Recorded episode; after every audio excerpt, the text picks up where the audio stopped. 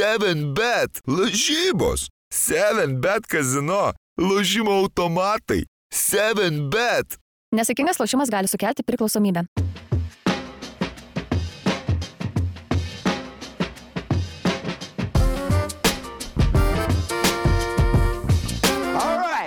Let's do it. kai testinį garsą, nu reikia biški paduoti daugiau to, nu, daugiau garso, Daug. Daugiau sabonio? daugiau sabonio, nes paskui, kai jeigu skaitant, tu ten kažkur užkeli, užrėki ar taip toliau, gali nu, permušti. Ar būna, kad užrėki žinias skaitydamas Mykolai? Nėra dar tai buvę. Norėčiau pamatyti. Turėtų užlipti voras tau ant veido, koks ar kas. Nu, tai Jo.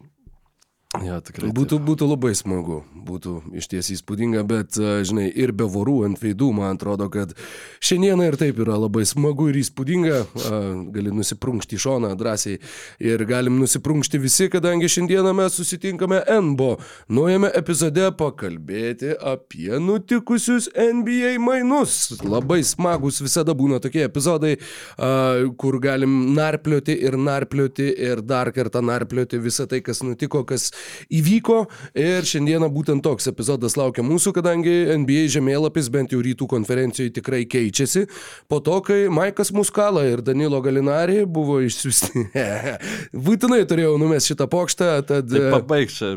Pa, pašnekam tada dabar. Sakai, apie pašnekam apie tuos, kurie jo, ir- sudrebino tiesiog Taip, taip, visą taip. NBA lygą.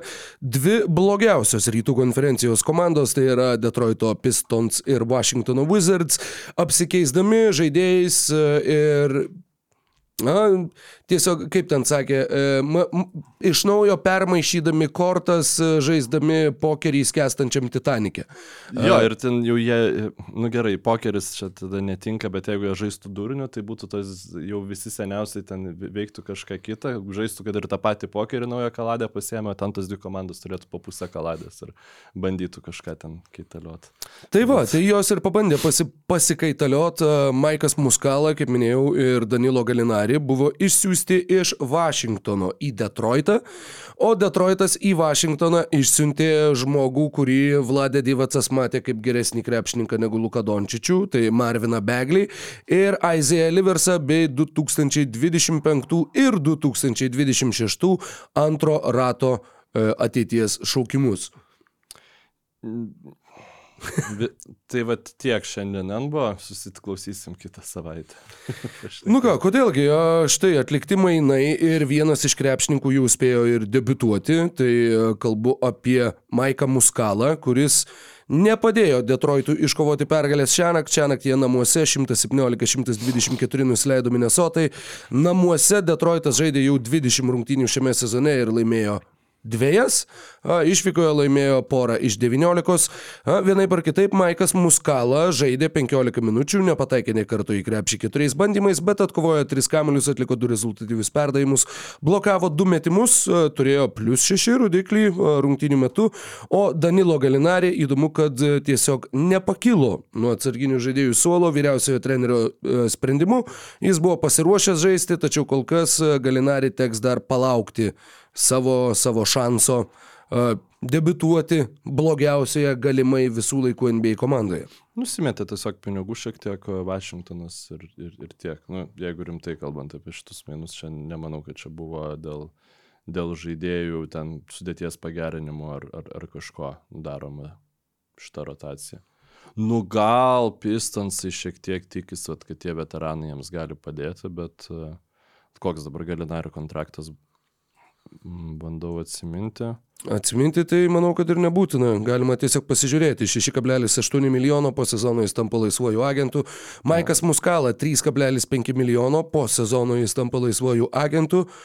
O e, tuo tarpu Marvinas Beglį uždirba 12,5 milijono šiame ir Jo. 12,5 milijono kitame sezone, tad Detroito Pistons Jo, nusimetė jos, pinigų šitų mainų metu, o ne, o ne Washingtono Wizards. Nu taip, reikia pripažinti, kad e, nežinau, kaip kolega pats reagavai į šios mainus, aš kai gavau tiesiog pranešimą, e, kad įvyko mainai tarp šitų dviejų komandų, e, tai ne, bet ten buvo kitaip frazuota, kad Mervin Begley, nu ir iškart jau nebeįdomu. Nu, ta prasme, iškart pamiršau, kad jie įvyko ir pri- prisiminiau, va tik tai šį rytą tavo atėjus, kad mums dar reikia apie šitus minus pašnekėti. Tai, uh, visa... Ja, labai liūdna dėl Detroito ir dėl tų visų a, sprendimų, apie kuriuos mes kalbėjom, a, kalbėdami, kad, nu, va, tu pris, susirinkti tuos a, aplaužytus žaislus ir bandai juos atgaivinti, Jamesą Weismaną arba, arba Marviną Beglį, bet akivaizdu, kad, nu, ne, nieko visgi iš to sprendimo pozityvaus Detroitas veikiausiai jau nebeišspaus. Daug tų klaidų, nusakau, jau daug kalbėjom apie Detroito visus sprendimus, a, bet to tai nebuvo pirmi šio sezono, jeigu jau skaičiuojam nuo sausio, tai yra nuo Liepos mėnesio, tai nuo Liepos pirmos, kai prasideda kaip ir naujas sezonas, nebuvo pirmi šitų komandų mainai. A, Monte Morrisas taip pat buvo išsiųstas iš Vašingtono į Detroitą už 2027 metų antro rato šaukimą. Detroite kol kas Monte Morrisas dar nedebitavo, todėl nelabai jo, taip sakant, ir, ir atsimenam kaip Detroito Pistons žaidėjo. Bet e, Monte Morisas jau dabar yra minimas kaip galimas kandidatas kitom komandom, galimiem mainam, e, tom, kurios ieško atsarginių įžaidėjų. Aš tik e, dabar prisiminiau nesusijusi šiek tiek dalyką, bet žinau, kad paskui jį galiu pamiršti, ir, bet kadangi suklydus reikia būtinai pasitaisyti, tai tą darysiu po savaitės. Praeitam, praeitoj tinklalaidėje aš sakiau, kad Domanto Sabonio mėgstamiausias žaidėjas buvo Rašydas Volasas pagal tą klipuką, kuris sukasi NBA ir buvo mane pataisė vienas iš basket news e, žiūrovų ir pabrėžė, kad jis ten buvo toks mažas, jis tikrai negalėjo to sakyti ir jo ten tam klipe vienas iš vyresniųjų Domanto brolių sakė, kad rašydas Volasas, man atrodo, kad tautvydas Sabonis. Bet, e, ne, tiesiog tai, vat, atsiprašau už tokią štai klaidą. O pasakė, o dabar jau aš susirūpinau, tai kiek brolių yra sabonių? Arba aš kažkaip, nu, tai yra tautvydas ir yra dar vienas vyresnis. E, Kuris Žygimantas, kuris yra jaunesnis, krepšiniu. ne, vyriausias, Vyriausias, Žygimantas Sabonis, jo, taip, kuris, tu, tu esi visiškai teisus. Mm, Um, taip.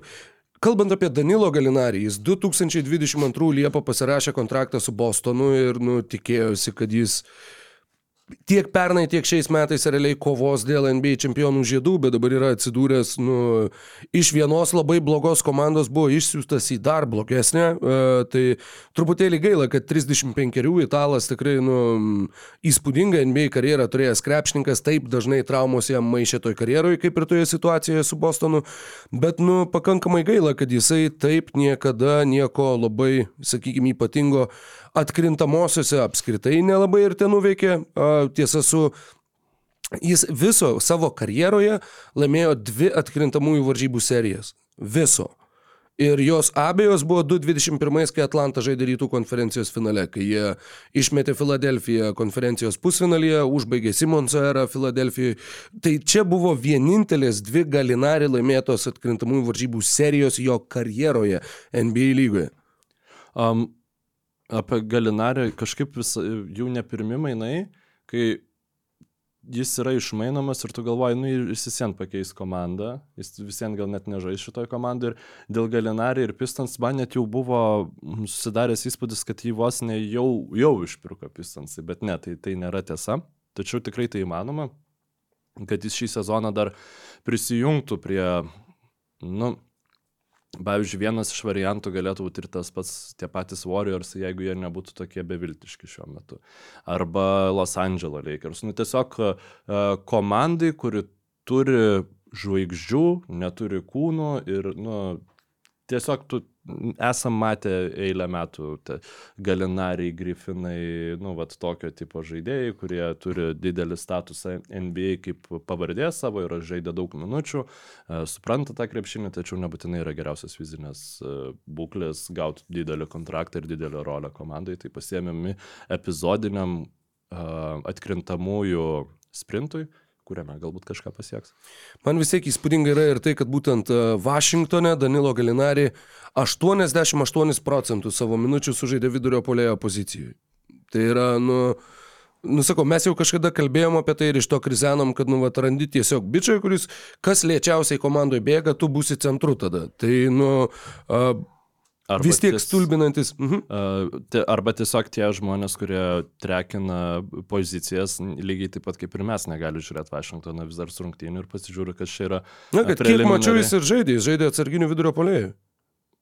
Nu, tai yra fantastika. Tiesiog. Tai iš tiesų ne, yra nu, fantastika. Parodo, ta prasme, tu, tai, ką daro Vašingtonas, nu čia tas pats, kas, nu, gerai, ne tas pats, bet uh, jų taktinius niuansus analizuoti gali taip pat sėkmingai kaip kokiu nors, nu, tiesiog vaikų kieme žaidžiančių krepšinį, žinai, nu, ne jiems ten labai svarbu, e, kas ten tuo centru žaidžia, gal net kartais ir svarbiau yra e, taktiškai teisingai išsidėstyti, nu, Vašingtonui pergalės rūpi, nu, visiškai nerūpi. Gali ten ir žaidėjų žaistas Danilo Galinari, nu, situacijos ten nekeista. Prasme, tikrai mane yra žiauriai stebina šį sezoną, kiek Vašingtonas yra, nu, nusiteikęs nelaimėti rungtynių bet kokią kainą. Nu, ta komanda pasišventus yra nuo Filadelfijos laikų turbūt labiausiai gauti aukštą šaukimą šiuo metu biržai. Man kažkaip tiesiog taip atrodo, tai aš manau, kad kažkaip taip jau visai daug mes apie šitus mainus kalbam, čia buvo Jo, pasižymėta, kad 40 minučių reikės kalbėti, gal jau Viskas, galim. viskas jo prasidėjo nuo Bairio, bet dar tik vienas dalykas, į kurį noriu atkreipdėmėsi. Bojanas Bogdanovičius 19 milijonų kitam sezonui turi negarantuotų pinigų. Dar klausimas, ar jisai apskritai liks Detroite. Jį nuėmus iš komandos Detroito visas algų biudžetas kitam sezonui yra 55 milijonai. Čia yra visas kartu sudėjus, taip jie turi laisvų agentų, Joe Harrisą, kurioje tikrai nepratęs, uh, Weismaną, Barksą, Montemorisą, Kilianą Heisą, uh, Galinarį, Muskalą bei Keviną Knoxą. Bet, nu, tai nėra, ne vienas iš tų žaidėjų nėra kažkoks mirtinai išlaikytinas uh, komandoje, tai jie tų pinigų turės nesveikai daug. Ir tai, kad jie dar ir nusimetė Marviną Beglį, kad atsilaisvintų dar daugiau erdvės, Nu, tai reiškia, kad arba tu ieškosi laisvų agentų, kur aš neįsivaizduoju, kas eitų į Detroitą, arba tu bandysi žaisti semą presti. Tai yra prisiminėti tuos kitų prastus kontraktus ir už tai susirinkinėti papildomus šaukimus. Bet jų labai mažai dabar lygai. Čia nebėra tie laikai, kur, pavyzdžiui, Hollingeris pasakojo, kai e, jis buvo Grizzlis e, nu, valdybos narys, taip ten pavadinkim, nežinau dabar tikslios pozicijos, vienas iš džiemų. Jie tiesiog davė metams Krisui Humpresui kontraktą, nes galėjo tą padaryti ir e, tam, kad gautų šaukimą už jį. Kad galėtų pasimti blogą kontraktą ir gauti šaukimą. Arba, arba maišau, ne, ne, ne su Hollingeriu, čia, čia Netsai Humpresui davė šitaip kon, kon, kontraktą, gal kažkuriam kitam podcast'e girdėjau, bet vat, vienas iš buvusių tuo metu Bruklino, jo, Bruklino Nets valdybos narių, nes Grizzliuose Humpresas nežaidė, bet jo, nu, vat, pavyzdžiui, tokiam Humpresui grinai buvo duotas kontraktas didesnis tam, kad paskui jį išmainyti, nusimetant kažkokius tai blogus kontraktus, nes tada ten buvo visokių krebų, Tylerių, Johnsonų ir dar į, į, nu, ten Mozgovų ir ta 2016 metais kontraktus pasirašusių žmonių, kurie tiesiog suparaližavo komandas, kokie jie blogi buvo.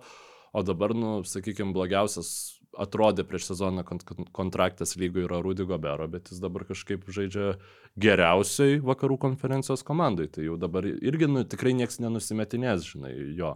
Gal Simonsas, bet kiek ten to Simonso liko metų? Nedaug. Tai aš manau, kad tiesiog Pistonsai pridalins daug kontraktų po 10 milijonų vienam sezonui ateinančią vasarą ir nieko su jais nenuveiks ir tiesiog lauks, kol praplyš dar vieno iš talentų potencialas ir gal kažkaip kažką jie galės pasiekti. Bet čia turbūt tie galėčiau pasakyti apie šitos komandos ateitį. Nu, tai eikim tada gal jau prie pagrindinės temos, ar ne? Jo, eikim prie pagrindinės temos ir uh, vienas iš nedaugelio atvejų, kai iš tiesų kažkam paskelbus, kad e, vyksta gandai, nu, nevyksta gandai, bet kad vyksta mainai tarp e, kalbos apie mainus, tiksliau, tarp dviejų komandų. Ten Pacers domisi Paskalius Jakamu, Šamsas pareiškia ir e, yra šnekama, kalbama apie šaukimus, kaip pagrindinė gražos už žvaigždę epi, epicentrą.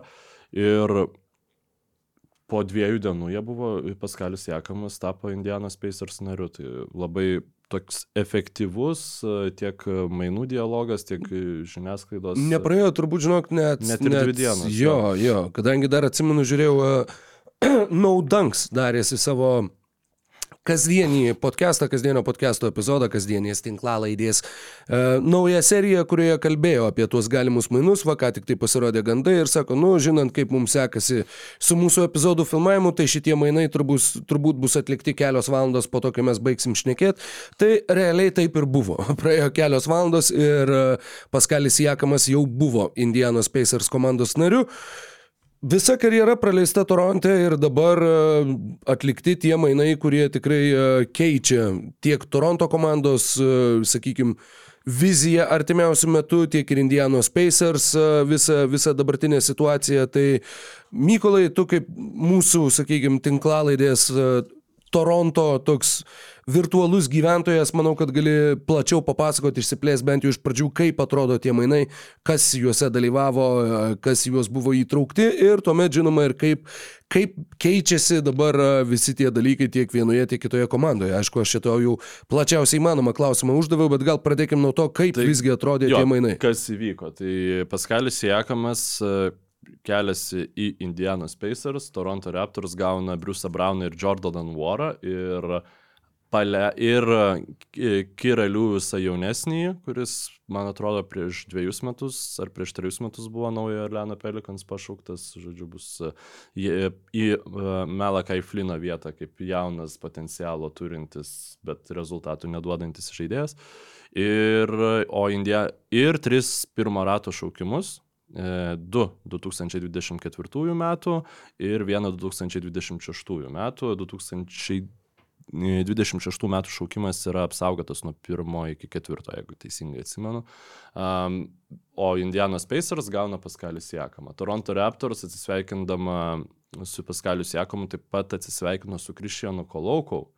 Uh, labai neseniai pašauktų krepšininkų, kuris tiesiog dėl savo mm, nu kaip suprantu problemų su kvėpavimo takais niekaip negalėjo žaisti reguliarių minučių ir jisai nu tikrai atrodė labai daug potencialo labai daug talento turintis gynybinis centras kuriam ten leis mesti nu toksai naujasis mailsas turneris bet vat jį paėmė ir ir ir paleido ir nieko už jį negavo ir vienas Tai jie jį tiesiog atleido? jie jį tiesiog atleido jo Jie, jie kad tiesiog... galėtų priimti, žodžiu, atvykstančius krepšininkus. Nuorą ir mhm. Kirelių visą jaunesnį. Tai, nu, reiškia, tiesiog čia tikrai nemanau, kad yra kažkoks skubotas sprendimas, tiesiog akivaizdu, kad jisai negali žaisti šiuo metu profesionaliai varžytis bent jau NBA tempais, gal kažkaip, gal Europoje kažkur šiek tiek lėtesniam krepšinėje galėtų, nu, neįsivaizduoju. Na, žinai, čia... jisai taip pat buvo iš Kamerūno, jisai buvo ir iš to paties Dualos miesto, jie du, abu du pas, su Paskalius Jakamu buvo iš to paties miesto taip, kilę kamerūniečiai, taip, tai čia irgi tikliai. labai simboliška, kad, nu, tu iškeitėjai vieną ir atleidai kitą, kad maždaug tu kaip ir buvai komandoje, kad Siakamui būtų smagiau, o dabar, kai jau neturim Siakamo, tai jau galim ir realiai žiūrėti į tą situaciją, kad, nu, nelabai ne mes ką tavyje matėm ateičiai. Nu, matom šiuo metu, aš manau, kad kai jis buvo pašauktas, nu, tikrai ne tik dėl to, nes tai buvo ir reikiama pozicija, nu, bet... Jo, jo, ne, gerai, taip, suprantu. Koloko, nu, ta prasme, koloko valanda dar ateis, gal kada nors kitas iki aptarsim, bet uh, vėlgi, kaip ir sakiau, kad su šitų mainų reportinimu yra nei, neįprastai efektyvi ir nu, labai sklandžiai viskas vyko.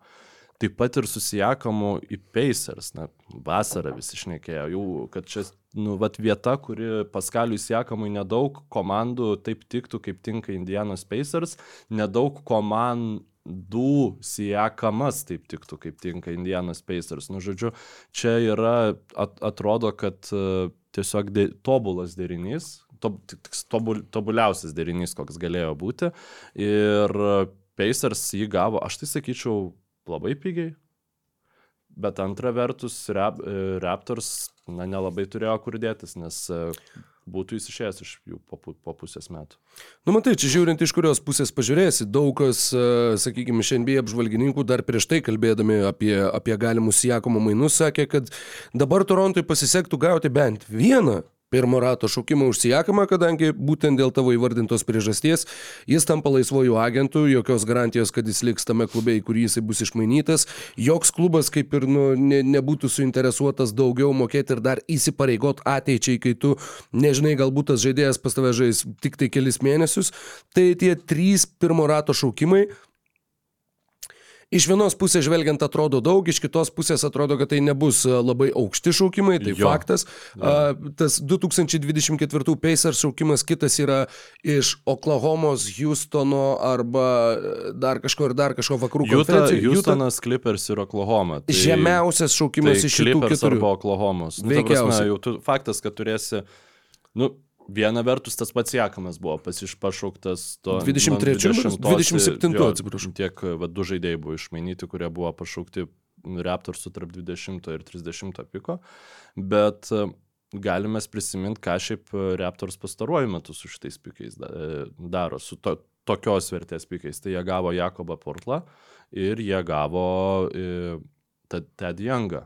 Žodžiu, vat, u- su panašios vertės šūkimais, tai jie realiai, vat, įsivaizduok, kaip tie mainai atrodytų, jeigu jie būtų gavę Jakobo Purlą tą, tą diengą, nu, keliais metais jaunesnį. Tai ta vertė, ai, ir dieve, aš svarbiausio dalyko nepasakiau, Briusas Braunas Toron, i- iš Indianos į Torontą keliauja kažkaip visai pamiršau, tai jo, čia va. Netikys ir Jordanas Mora. Na, jo, tai Mora. Taip, taip, taip, taip, akcentavau. Mhm. tūkstantį kartų, Kiralių visą irgi Krišianui Kolokui iš vis Odę beveik uh, surašėm, o vat Briusas Braunas buvo nepaminėtas, bet dar tada galėsim sugrįžti prie jo paskui. Um, bet tikėtina, kad šitie uh, šaukimai bus, jo, uh, nei vienas jų nedalyvaus loterijoje. Oi, tikrai ne. Tad e, jo, Torontas visiškai e, atsisveikina su savo čempionišku, dabar jau ne tik branduoliu, bet jau faktiškai viskuo, kas buvo toj komandai. A, Neliko, nežinau, Marko Gasolio, Seržo Ibakos, Kailo Lauriai, Normano Pauelo, Paskalio Sijakamo, Fredo Van Vlyto, Audžianų Naubi. Nu, realiai, jeigu ir yra kažkas, kas dar liko iš tą, tą čempionatą laimėjusių, čempionų žiedus laimėjusių krepšininkų Toronto. Liko. Komentatoriai, o Metas Devlinas. liko. Kas toks? Nu, front office'as liko užžyri ir, ir, ir, ir um, kitas, mm, pamiršau, mm, pamiršau kitą mm, jo užžyri asistento pavardę. Ir iš žaidėjų, man atrodo, Jo, nei vieno. nei Šiuo vieno, metu tikrai ne, nėra, nėra ne. Barnsas, ne, Krisas Bušė nebent, kiek jis ten metų žaidė. Krisas Bušė, man atrodo, žinoma, galėtų būti, kad jau buvo programai. Jo, jis nuo 17, 8, jis 18-19 į Torontą atėjo, prieš tai metus žaidė, žaidė Golden Golden State State. Warriors, jo, ir jis yra NBA čempionas. Jo, nu tai va, su tuo jį ir sveikinam ir, žodžiu, vienintelis žaidėjas likęs, likęs po ketverių, dabar jau faktiškai penkerių metų iš čempioniškos sudėties. Uh, Torontas, kai atlikinėjo pirmus mainus, OG Anunobi išsiųstas už RJ Barrettą ir Emmanuelį Quickly, atrodė, kad va, pakankamai aišku, jie nenori tų ateities šaukimų, jie nori jaunų žaidėjų, kurie galėtų žaisti dabar. Darybose su Indiana jiem nepavyko gauti jokių, uh, nu, jokių tų, iš tų jaunų ir potencialiai norėtų žaidėjų, uh -huh. anei Jereso Walkerio, anei Benedikto Meturino, anei, nežinau, Isaiah Jacksono ar, ar, ar kokio nors tai kito žaidėjo, Andrew Nemharto ar Jaileno Smito. Ir gauti krepšininkai, sakykime, visieną atrodytų iš vienos pusės, kad nu, dabar jau pagrindinis tas tavo gautas, pagrindinė gauta kaina yra tie trys šaukimai. Apie Briusą Brauną irgi kalbama, kad galbūt jisai bus e, vėliau persiųstas į kažkurią kitą komandą, bet e, Briusas Braunas, žinai, man atrodo, kad va dabar Torontas yra truputėlį panašiai, e, panašioj situacijoje kaip Jutos Jazz pernai. Kai tu atrodo, kad tu tiesiog iškeitei visus žaidėjus, vad gavai kažkokį žaidėjų kratinį, bet tas žaidėjų kratinys turi potencialo būti visai, visai gerai sulimpančių ir gerai derančių tarpusavyje. Bent jau man susidaro tokia mintis žvelgiant iš šalies. Ir, nu, jeigu Torontas pradės stipriai skinti pergalės, jie šiuo metu yra 12 rytuose. Bet... Rytus taip be gailėšio šiandien iš tiesų. Ir e, pagrindinė priežastis tai yra Scotty Barnesas, nes Jakama ir Barneso pozicijos aikštėje dubliavosi. Nu, šio, šį sezoną pradėjo galbūt e, Rajakovičius ten su žyriais išnekėjo, kad nu, mes galim pabandyti Barnesą į žaidėjų statyti, tačiau tiek Anunobi mainai parodė, kad jie suprato, kad nu, nebus tikrai žaidėjas Scotty Barnesas. Čia buvo fazė, kurią mes praėjom, taip pat kaip ir Baks turėjo fazę su Janiu Antetokumpo kaip žaidėjų ir... Kaip dabar Spars turi su Jeremy Sohanu? Jo, gal, man atrodo, jau nebeturi. Jau labiau. A, jo, teisingai, jo, jo, jie ten jau, nu, ta prasme, greitai suprato. Nu, tiesiog, vat, kad tu turi praeit, pabandyti, žinai, nu, ar bus Johnsonas medžiukas, ne, nebus ir, ir važiuojam toliau. Ir, ir dabar Tokį tiesiog... gerą, vienu sakiniu tik įsiterpsiu, tokį gerą memą mačiau, kad Magicas Johnsonas iššvaistė geriausiai įmanomą porno žvaigždės vardą savo krepšininko karjerai. Magic Johnson, come on, man. Nu, būtų tiesiog geriau negu gerai, bet uh, atsiprašau, kad išmušiau tave iš, iš vėžių. Nu, aš dabar tik apie tai ir galiu galvoti. Tik tai apie esmės... magiškus Johnsonus. E, Torontas su e, Quickly, Beretu, Scotty Barnesu, Briusu Braunu Jiems tikrai reikėjo žaidėjo, nu ne tai, kad aš labai jau daug mačiau Toronto šiais metais, bet jiem reikėjo to žaidėjo, kuris uh, gintųsi prieš varžovų įžaidėjus iš esmės. Tai yra, nu, va, to uh, point of attack, uh, mhm. žodžiu, labai gerai besiginančio krepšininko. Quickly nėra labai blogas tuo atveju, bet Quickly irgi savo ilgom rankom yra labai naudingas žaisdamas. Uh, perdavimų trajektorijose, perdavimų erdvėse labai daug kamuolių išmušantis žaidėjas, kurį tu galbūt labiau norėtum statyti būtent kaip tą ir pagalbinį krepšininką kažkur kraštuose ir būtent ne prie pagrindinio uh, kamulio valdytojo varžovų, varžovų penkete. Briusas Braunas tam yra fantastiškas žaidėjas, poziciškai jis irgi į šitą tą tokią kaip ir pozicijas turintį, kaip ir neturintį, tokią turinčią, neturinčią mišrainę, jisai irgi atrodo, kad jis įpašytų visai neblogai ir uh, Sakau, man atrodo, kad nors labai daug kas vertina, kad va, Briusas Braunas e, galės būti išsiųstas kažkur kitur, aš manau, kad yra nemažai potencialo, nemaža tikimybė, kad jisai netikėtai labai gerai lips Torontui ir kad e, bus labai svarbia komandos dalimi, plus žaidėjas tikrai nėra senas, jam 27, e, rūpiučio 15 eina 28, tad, nu, irgi jis turi komandos opciją kitiem metam, 20 su trupučiu milijonų, gal 20 porą ir Torontas galės, jeigu norės su juo ir persiderė tą kontraktą, pasirašyti ilgalaikę sutartį, kadangi tų ilgalaikių pinigų jie irgi neturi pernelyg daug, jiem tik tai reikės su Quickly susitart dėl kontrakto arba jo, ten, ten bus daug pinigų mhm. sumokėta. -hmm. Tai čia Quickly kontraktas yra pagrindinė priežastis, dėl ko New Yorkas jo atsisakė. Nes, nu, teisingai, teisingai. E, aš šiek tiek nesutinku, kad Briusas Braunas labai tinka tam, nu, pagrindiniam brandoliui, į starto penketui Raptorsų, nes e, jo integravimas, e, visi pliusai gynybai žinoma galioja į startinį penketą, šiek tiek tada atimtų tuos minusus, e, tuos pliusus, kuriuos tu teoriškai gauni vien išėmęs Jakamą iš starto penketo, tai yra, kad e, Scotty Barnesas gali žaisti savo pozicijoje ir puolime niekas nedubliuoja jo funkcijų. Briusas Braunas, nepaisant savo ūgio, mes žinom, kad jis yra e, gynėjas, kuris realiai žaidžia sunkiuoju kraštu polime, yra vos necentras. Bruklinė žaisdavo faktiškai vidurio polėje. Tai, E, ir Nuggets, nu jis irgi buvo, kadangi buvo Jokičius, tai jis ten labai gerai palaviruodavo. Tai aš vis dėlto manau, kad Briusas Braunas ilgalaikės ateities šitoj komandai neturi, nelabai tiesiog gal reikia jo, arba jisai jau bus kaip kažkoks suolo generolas. Nu, man, man taip atrodo. suolo generolas Čia, skamba kaip kažkas, kur niekada nepakyla nuo suolo. Kur, kaip kažkas, kur pačios blogiausios porno žvaigždės vardas. Ne? E, atsiprašau, kad nukreipiau tavo, šiaip buvo labai, labai gera įžvalga. Um, aišku, visko gali būti. Su Braunu ir Raptors jie dabar tokie kaip ir, ką mes čia darom, ar bandom varyti, kad gautumėm tą šeštą šaukimą, bet galbūt jie tikrai, nu, tas brandolys, žinai, daug naujų žaidėjų, Barnsas nu, kaip ir naujoje rolėje ir uh, tikrai gali būti, kad jie tiesiog vat, žais tokį vidutiniškai gerą krepšinį ir pakovos dėl vietos įkrintamosiose. Tai aš kažkaip taip manau, kad e, nepaisant. Nu, jie žais to, kad... labai greitą krepšinį. Jie, Torontas ir Indiana yra daugiausiai taškų greitame polime renkančios komandos NBA lygui šiame sezone. Tai Briusas Braunas tavo greitam žaidimui, būtent dėl to, kad jis gali žaisti keliomis pozicijomis e, nominaliai aukščiau taip, negu, taip, negu taip. kad uh, leistų jo ūgis, yra tiesiog idealus greito polimo krepšininkas potencialiai tai. Ir jo, kažką tai dar norėjau sakyti, bet... Um, Aš tai dar šiek tiek norėčiau, Rokiai, sugrįžti apie momentą, kurį tu paminėjai, bet paskui, kadangi daug, daug, daug užsidėjo visokių dar minčių ant viršaus, mes jį taip mhm. truputį pamiršom, apie tai, ką gavo Torontas iš Indianos. Tai, kad jie negavo nei Jeraso Walkerio, nei kitų jaunų krepšininkų, tai paminėjai ir Meturiną, na, aš manau, kad e, tiesiog nebuvo kalbama apie tai, kad mes atsisveikinsim su juo iš Pacers pusės. O jo. Dėl Walkerio, aš manau, kad gali būti, kad iš Masajaus pusės buvo labiau gal geriau jūs duokit ten vieną arba du pirmo rato šaukimus, nes jeigu jau jūs obi topino, kurį, kurį nukonkuravo Neismitas Aaronas starto penketė. Neismitas. Jo, e, o kaip? Neismit. Neismitas. Neismitas. Neismitas starto penketė, o ne Jarasas Walkeris, na, kur jiem tiesiog tikrai reikėjo e, to žaidėjo, kuris e, realiai Jarasui Walkeriui nu, nereik, nereikėjo nebūti savimi.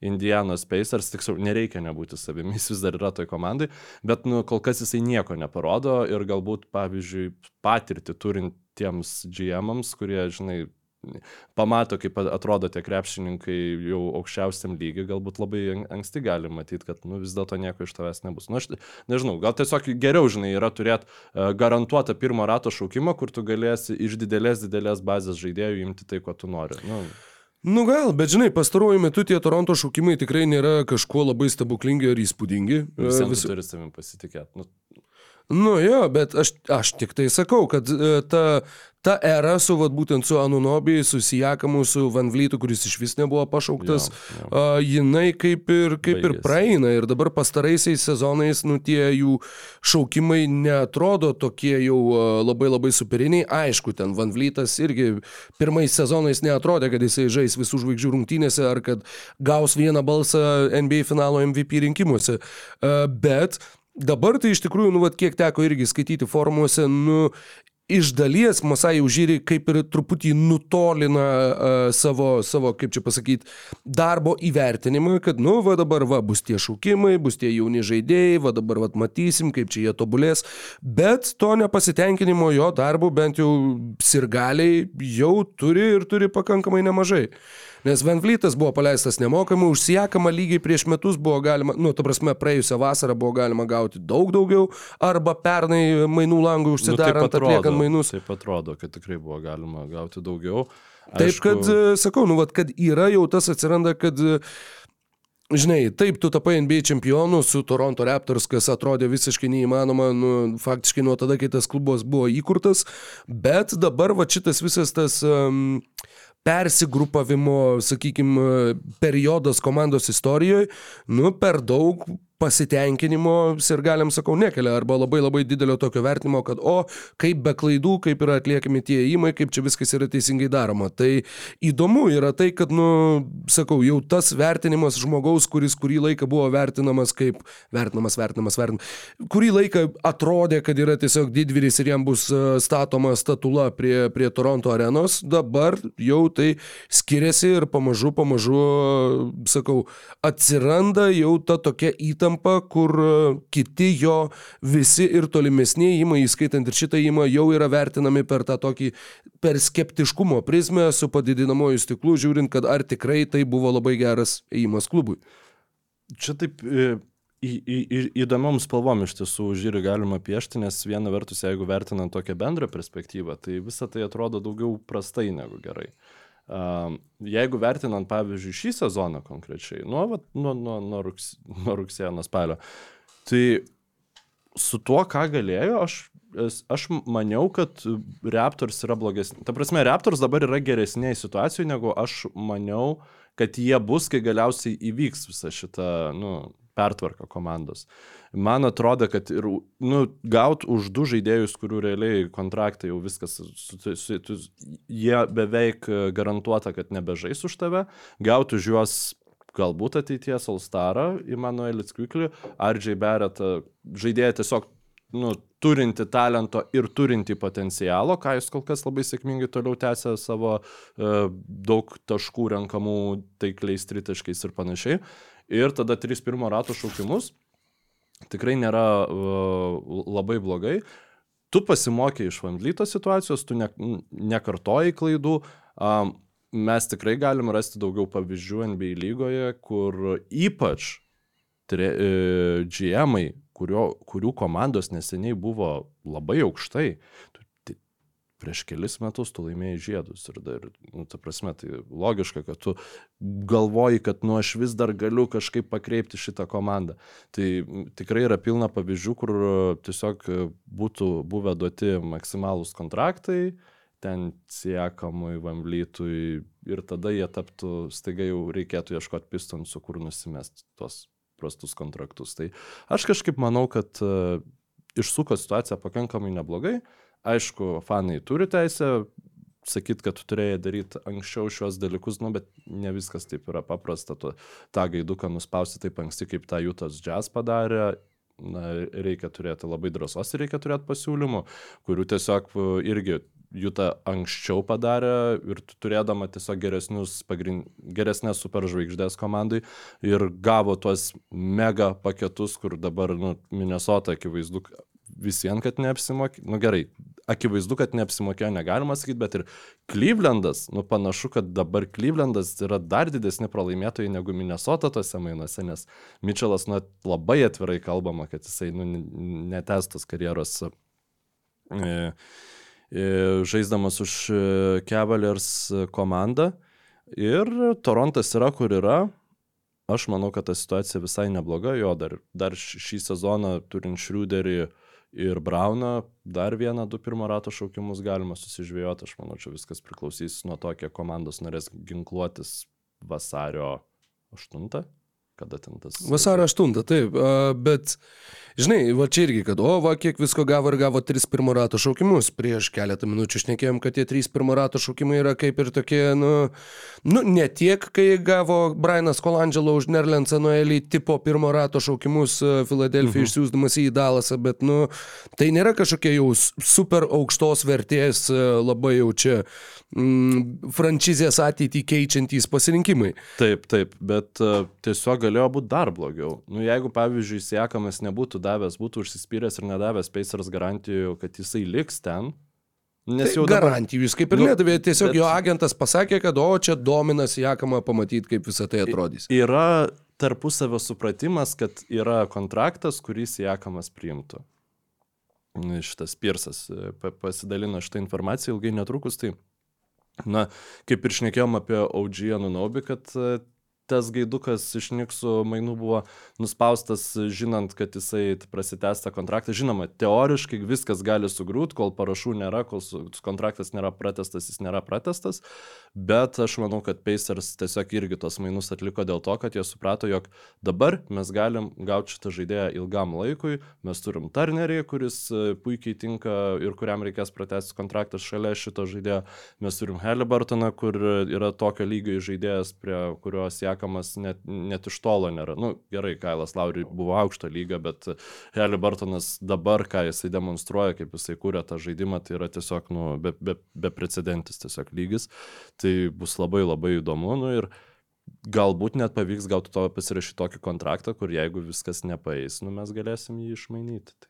Ir plus jo, tu dar turi pusmetį galbūt ži, gauti siekamą už pigiau. Nu, nes jeigu ne, nesusikliuos tas žaidimas iš karto gerai, Indianas Pacers, tu tada tą kontraktą galėsi prasitęs, galbūt šiek tiek numušęs siekamo rinkos vertę. Karlailas turi eksper, ekspertizės šitose dalykuose. Tai. Nu, kažkaip tai nemanau, kad toks, toks scenarius būtų labai tikėtinas. Nes, nu, jeigu tau viskas nesiklijuos ir tu bandysi lowballint, kaip sako anglakalbiai, jakamais, uh -huh. tiesiog išeis kitur. Aš manau, kad nu, pasiūlymų jisai tikrai turės ir jis pasims, kad ir iš tų pačių pistonsų Max kontraktą, kodėl jis turėtų jausti kažkokius sentimentus. Ja, jo, duos Indianai jam Max kontraktą. O ką jie veiks su savo pinigais? jo, jo, jo, čia, šiaip, čia šiaip geras pointas, kad jo, pistonsai tiesiog yra pasiruošę būti naujieji New Jersey Nets, ko gero. Nu ką, tai galim turbūt taip va pamažu pamažu ir pereiti prie Indianos Pacers pusės taip, šitų taip, mainų. Taip, jo. Komanda, kuri kurios e, vadovas, e, komandos prezidentas Kevinas Pritchardas jau prieš sezoną kalbėjo, kad e, komanda yra pasiruošusi atlikti mainus, komanda, nu, vat, laukia galimybės atlikti kažkokius, nu, va, būtent skambaus žaidėjo mainus, skambaus žaidėjo, skambios pavardės, na, mhm. didelio statuso, aukšto statuso žaidėjo pri, prisiviliojimą mainų būdu, kadangi, nu, vienai par kitaip mes galim dar sėkiai atsiminti tą, kad Indianos Pacers nėra klubas, į kurį laisvėjai agentai labai jau verštųsi eiti ir sakytų, aš labai noriu žaisti Indianapolyje, kur e, ta rinka tikrai nėra tokia, kur tu tenai, nežinau, gausi kažkokių rėmėjų maksimalių pasiūlymų, nu, labai didelės vertės ar panašiai. Bet Paskalis Jakamas uh, užkemša tą, na, užkemša keletą spragų, už, uh, priduoda komandai to, ko komandai ir trūko. Tai visų pirma gynybinio intensyvumo. Jam labai trūko ir žaidėjo, kuris galėtų gintis prieš Janius Anteto Kumpo ir, ir Lebronus Jamesus ir visus kitus, na, sunkiojo krašto polėjo pozicijoje realiai žaidžiančius, kamuolį kontroliuojančius ir pulimą generuojančius krepšininkus. Aš tiesiog tu galėjai pabaigti sakinį, pasakydamas, jam labai trūko žaidėjo, kuris galėtų gintis. Mhm. Ne, ne, ne kiek nenumuša, ta prasme, jam reikia ir žaidėjo, kuris gali gintis, ir visko jam reikia, tik tai, kai tu, nu, faktas, kad jau tu žaidėjo pozicijoje turėsi gynybos skylę, tai jam reikia tada kamšyti tas kitur ir ypatingai jo jam reikėjo ketvirto, ketvirtoji pozicijoje žmogaus, nes tiek nu, Obi Topinas jisai gynybai buvo neigiamas, Nismitas šiaip kaip supratau, yra visai pozityvus gynybai, tiesiog šiek tiek per mažas ir jo pasirinkimas tada į tą trečią numerį galbūt leis šiek tiek, nu, bent jau nebūt arti blogiausios gynybos lygoje, nu kalbant apie komandas, kurios žaidžia krepšinį. Nu, jis 66 procentus laiko ir žaidžia lengvojo krašto polėjo pozicijoje, bet uh, jo, uh, tikrai, nusakykime. Bendrai šį sezoną, kol taip, dar ir Obitopinas startė žaidė ir, jo, jo, jo. ir taip toliau, o paskui jau tas... Nis... Ne, ne, atsiprašau, ne Maturinas Nysmitas. Jo, o pa, pastaruoju metu tai jis jau daugiau ketvirtojo numerių žaidžia. Bet, nu, nesvarbu, sakyk. Uh, taip, tai kaip ir minėjau, Pacers yra irgi labai greita krepšinį, beprotiškai greita krepšinį žaidžianti komanda, mes tą, tą visi puikiai žinom. Uh, Paskalis Jakamas, būtent greitame puolime arba in transition, turi geriausią pataikymą į žaidimo visoje NBA lygoje šiais metais. Tyrysas Haliburtonas yra žmogus, kuris atlieka daugiausiai rezultatyvių perdavimų greitame puolime visoje NBA lygoje šiais metais. Šita irgi ta dviejų žaidėjų sąjunga atrodo, kad yra na, labai logiška, labai puikiai papildanti vienas kitą.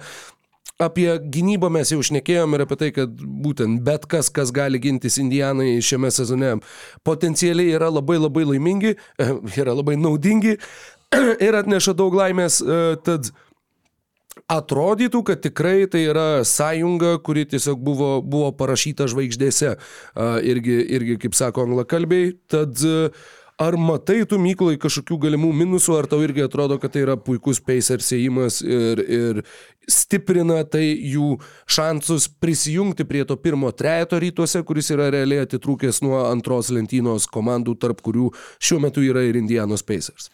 Na, sunku vertinti neigiamai, kai nu, tu nežinai, kokius dar žaidėjus yra įmanoma išsimainyti. Ar yra kažkokių vat, panašaus lygio krepšininkų, kuriuos, te, te, kurie iš vis yra gaunami mainų būdu. Aš, aš nežinau, atrodo, kad Siekamas šiuo metu buvo skambiausias e, krepšininkas ir iš vis labai įdomi mintį girdėjau, kad e, Siekamas yra geriausias žaidėjas kada nors mainų būdu išsimainytas Indianos geriausias žaidėjas turiu omeny tuo metu lygoje pagal savo statusą, arba kaip aš išverčiau aukščiausio overallo NBA 2K žaidėjas, kuris buvo gautas e, mainų būdu e, Indianos Pacers. Ir aš nesugalvojau nieko kito, e, tai tiesiog ir nu, ekstensyvi, istorinės ten analizės netlikinėjau, nes čia važiuodamas į, važiuodamas į, į, į tinklalaidą išgirdau šitą mintį, bet tai nėra šiaip komanda, kuri įprastai labai tokius nu, ėjimus vardant žvaigždžių atlieka ir taip toliau. Tai e, iš tos pusės man patinka, kad yra ryštas, man patinka, kad iš tų trijų šaukimų vienas yra net, net ne peiserių, tai nėra kažkoks ėjimas, kuris labai tave paralyžiuoja na tiesiog tu, tu jau esi įsipareigojęs tam brandoliui. Iš kritikos pusė, na, tu potencialiai turi atkrintamosiose žaidėją, kuris tau, nors yra labai geras polime, nu teoriškai atkrintamosiose Halibartono įdos gynyboje gali tapti nepakeliamos. Mes to nežinom, nes mes nematėm Halibartono atkrintamosiose kol kas. Tai čia yra tik tai teorinės baimės. Ką mes žinom, kad Sijakamas atkrintamosiose yra, na, sustačius gynybą tvarkingai prieš jį ir pastačius aukštą centrą, kurio jis negali tiesiog overpowerint, atsiprašau už anglicizmą, jis tampa kur kas mažiau efektyvus. Ko mes nežinome, kaip siekamas atrodys su nerealiu uh, spacingu, vėl atsiprašau už anglicizmą, aplink jį, nes tai yra ne tik Haliburtonas, yra ir Buddy Hildas, ir Milesas Turneris vidurio polėjo pozicijoje, kur, na, panašiausiai Milesą Turnerį siekamas, ką yra turėjęs, tai kas yra Markas Gazolis, kuris... Bušė.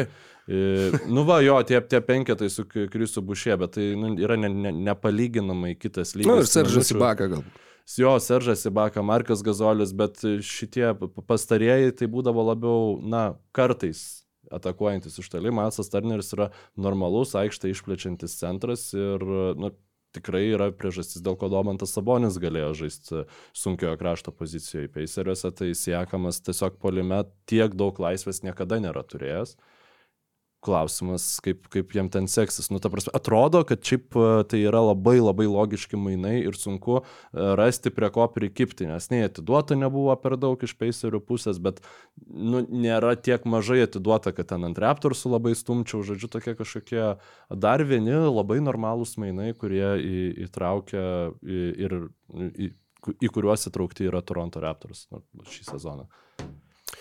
Vieną palyginimą girdėjau, Paskaliui Sijakamui šiuo metu yra 29, nu balandį sueina 30.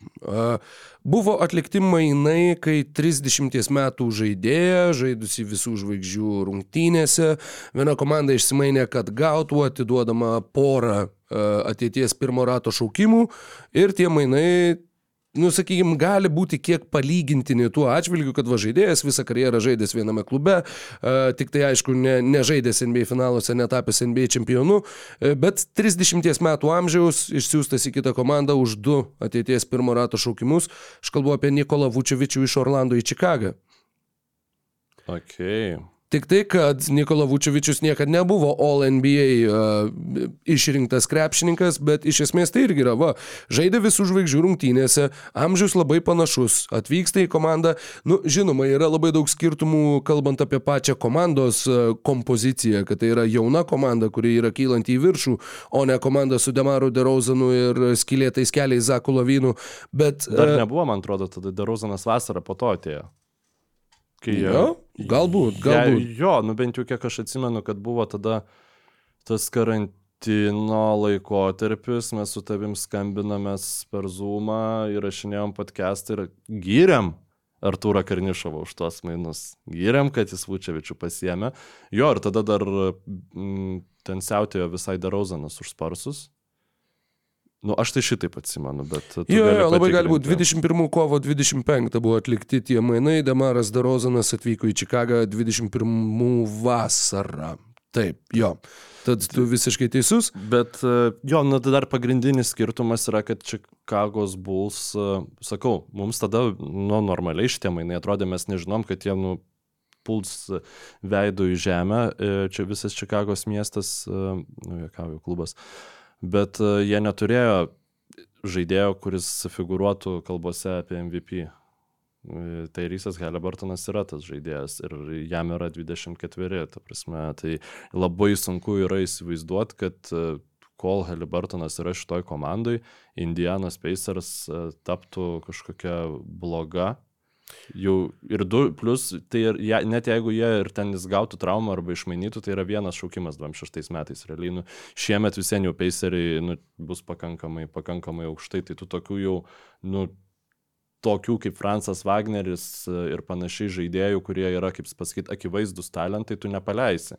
Jeigu jau Raptors pasigaus kažkokią būsimą žvaigždę, tai visiems yra na, labai ir talento identifikacijos klausimas. Jeigu tu su Paceriu piku ten kokiu 25 vietoj pirmam raunde e, pasiimsi žaidėją, kuris ten taps All NBA ir taip toliau, tai tu tikėtina visien yra 25 komandos, kurios jį pražiopsojo prieš tai, tai čia yra šiek tiek, šiek, tiek, šiek tiek skirtingi dalykai, man atrodo, o ne tai, kas įvyko Čikagui. Tai kažkaip, manau, daugiau saugiklių peiseriai turi šitoje vietoje. Jo, jo, be jokios abejonės, sakau, tik tai, nu, tą, tą palyginimą kai, kai jį perskaičiau, tai irgi toks šmėselėjo, kad, uf, wow, neduok, neduok tu dievę, jeigu tai iš tiesų būtų kažkas tai panašaus.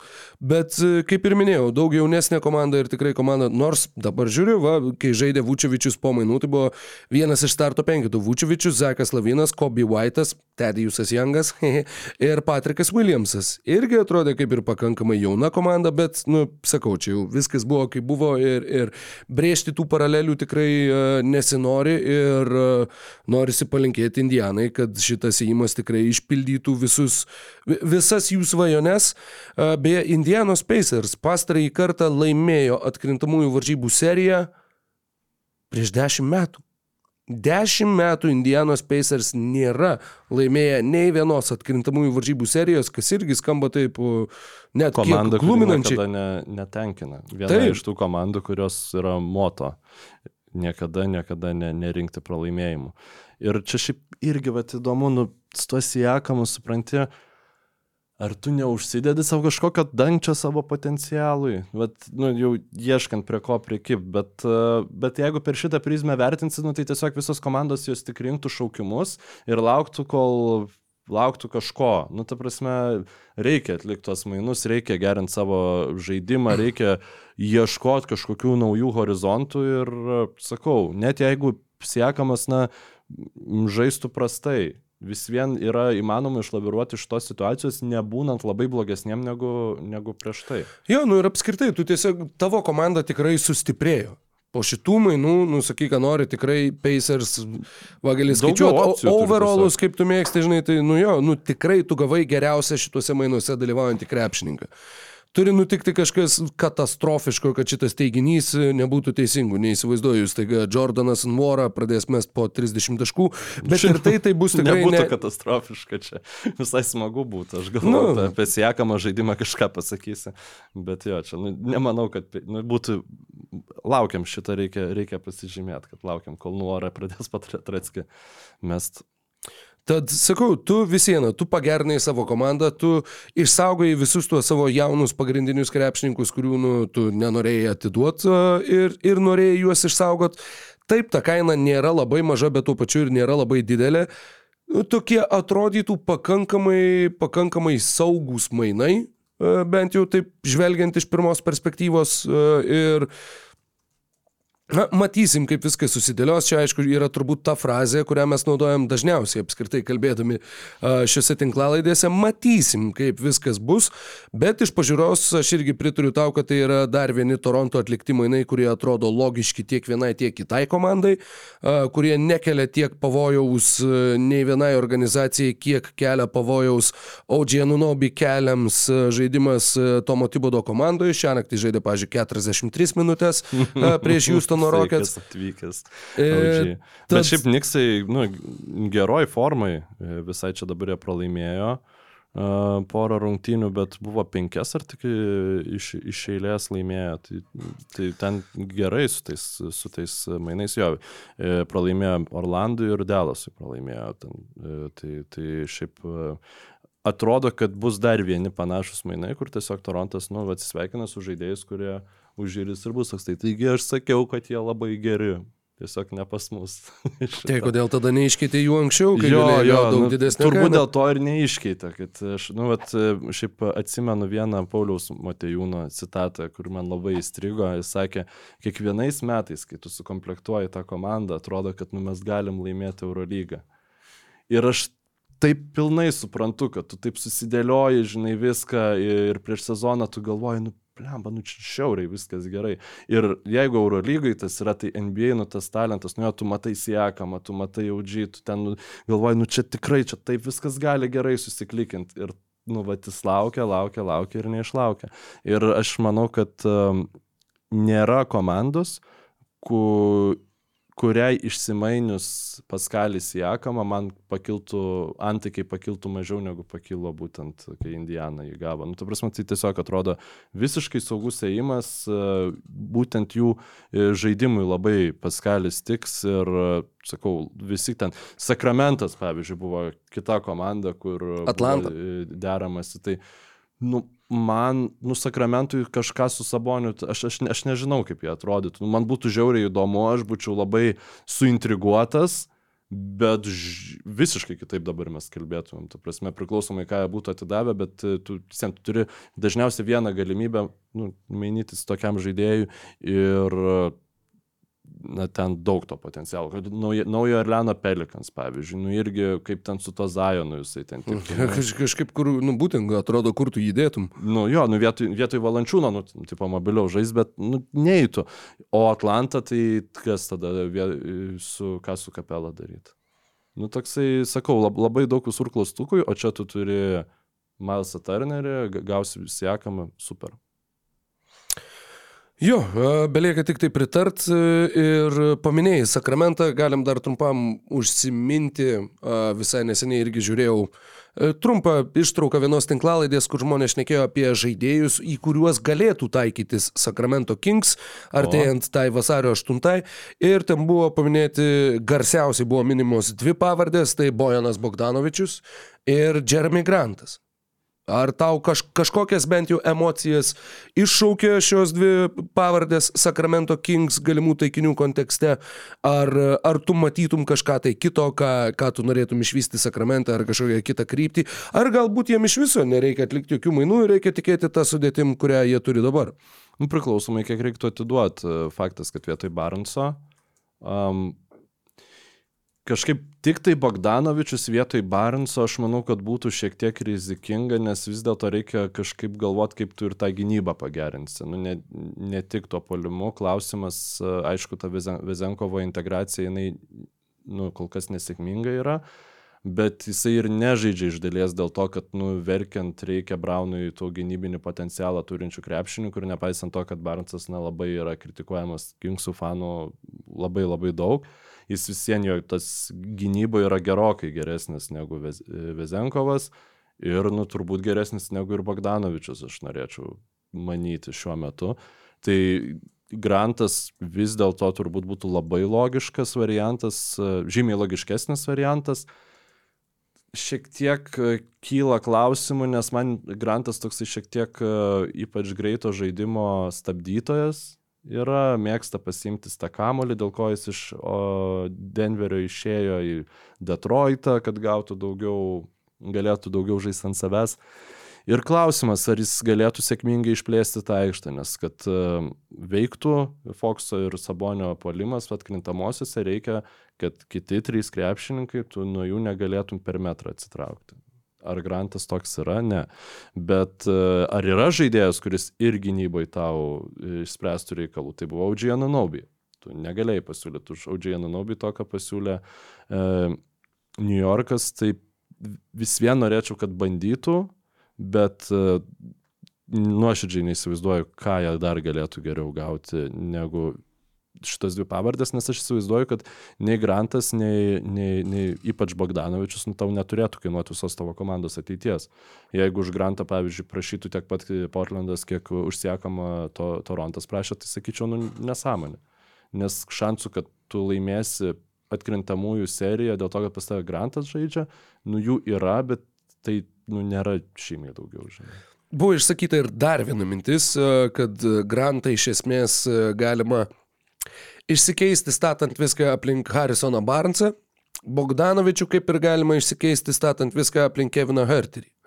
Kad yra teoriškai galimybė netgi finansiškai manoma suskaičiuoti, kad gauti juos abudu į komandą Ir kaip, kaip toks scenarius tada atrodytų tau? Mano pirmas norėjau, nu, kai tu pradėjai tą klausimą vinioti, tai mano pirmas atsakymas norėjęs būti, kad aš norėčiau jų abiejų iš tiesų.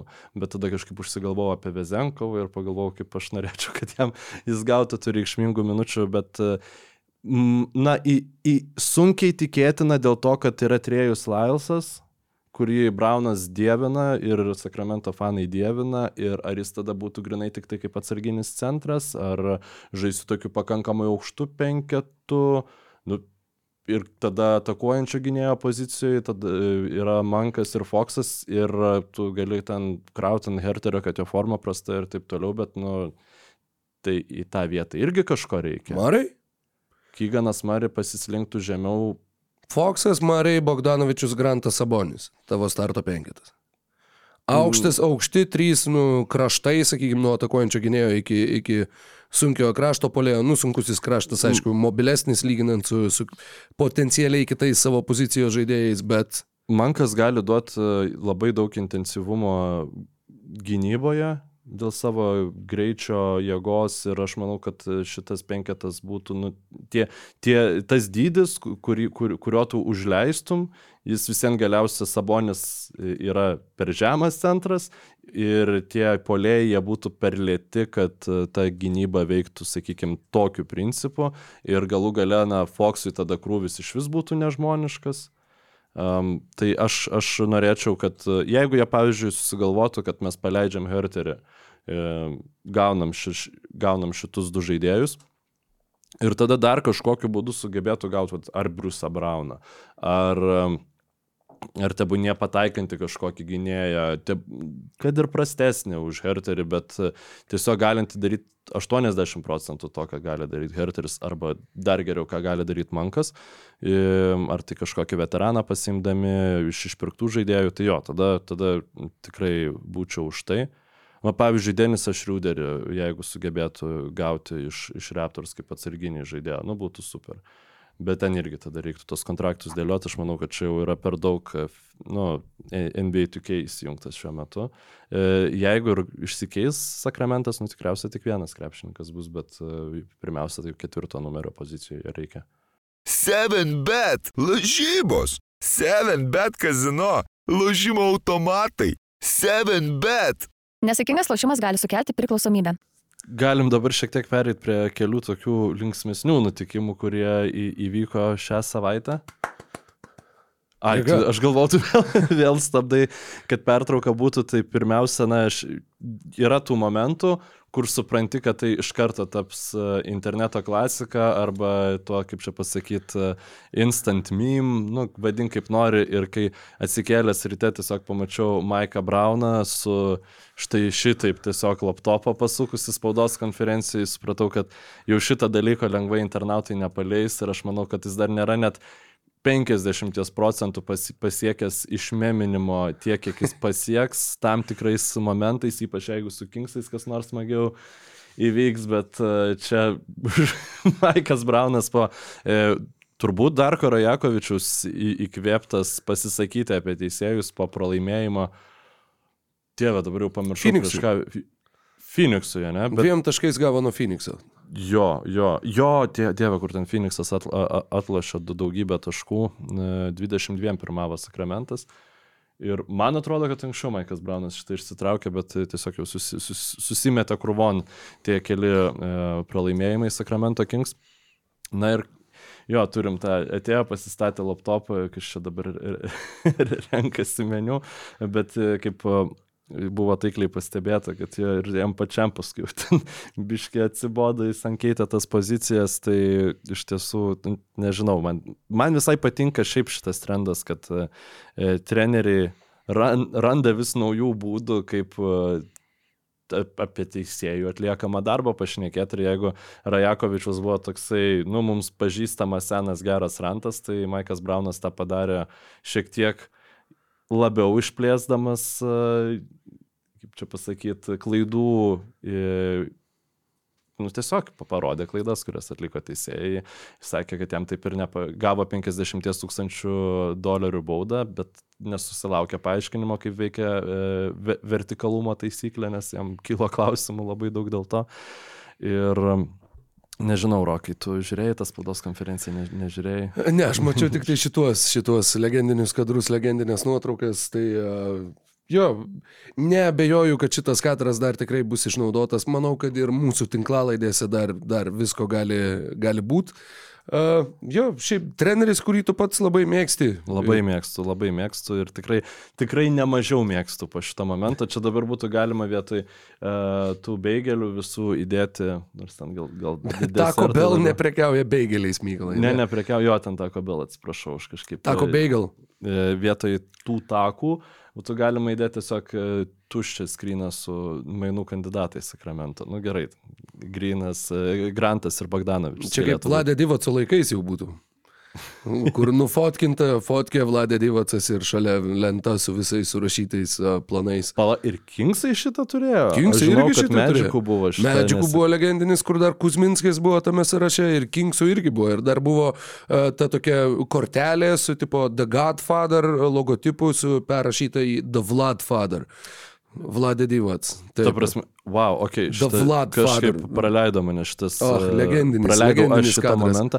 Bet žinai, dar galvoju, kas būtų visai jokinga, aišku, čia nu, yra šimtų procentų ne jo as, asmeninis kompiuteris, bet jeigu jis, ten, pavyzdžiui, rodo kažką, žinai, žurnalistam ir jam iš, iššoka žinutė ten, kieno nors iš front office, tai, nu tai kaip tu, ar ten dėl Sijakomo tikrai nepersigalvoji, ar, ar kažkas tokio, žinai, kaip kartais būna, bet e, kažkas iš e, Twitterio vartotojų tiksliai parodė, kad e, Dimitris Situdis irgi buvo net ne į spaudos konferenciją, o į tą post-game interview, kuris vyksta iškart po rungtynių jau su laptopu atėjęs.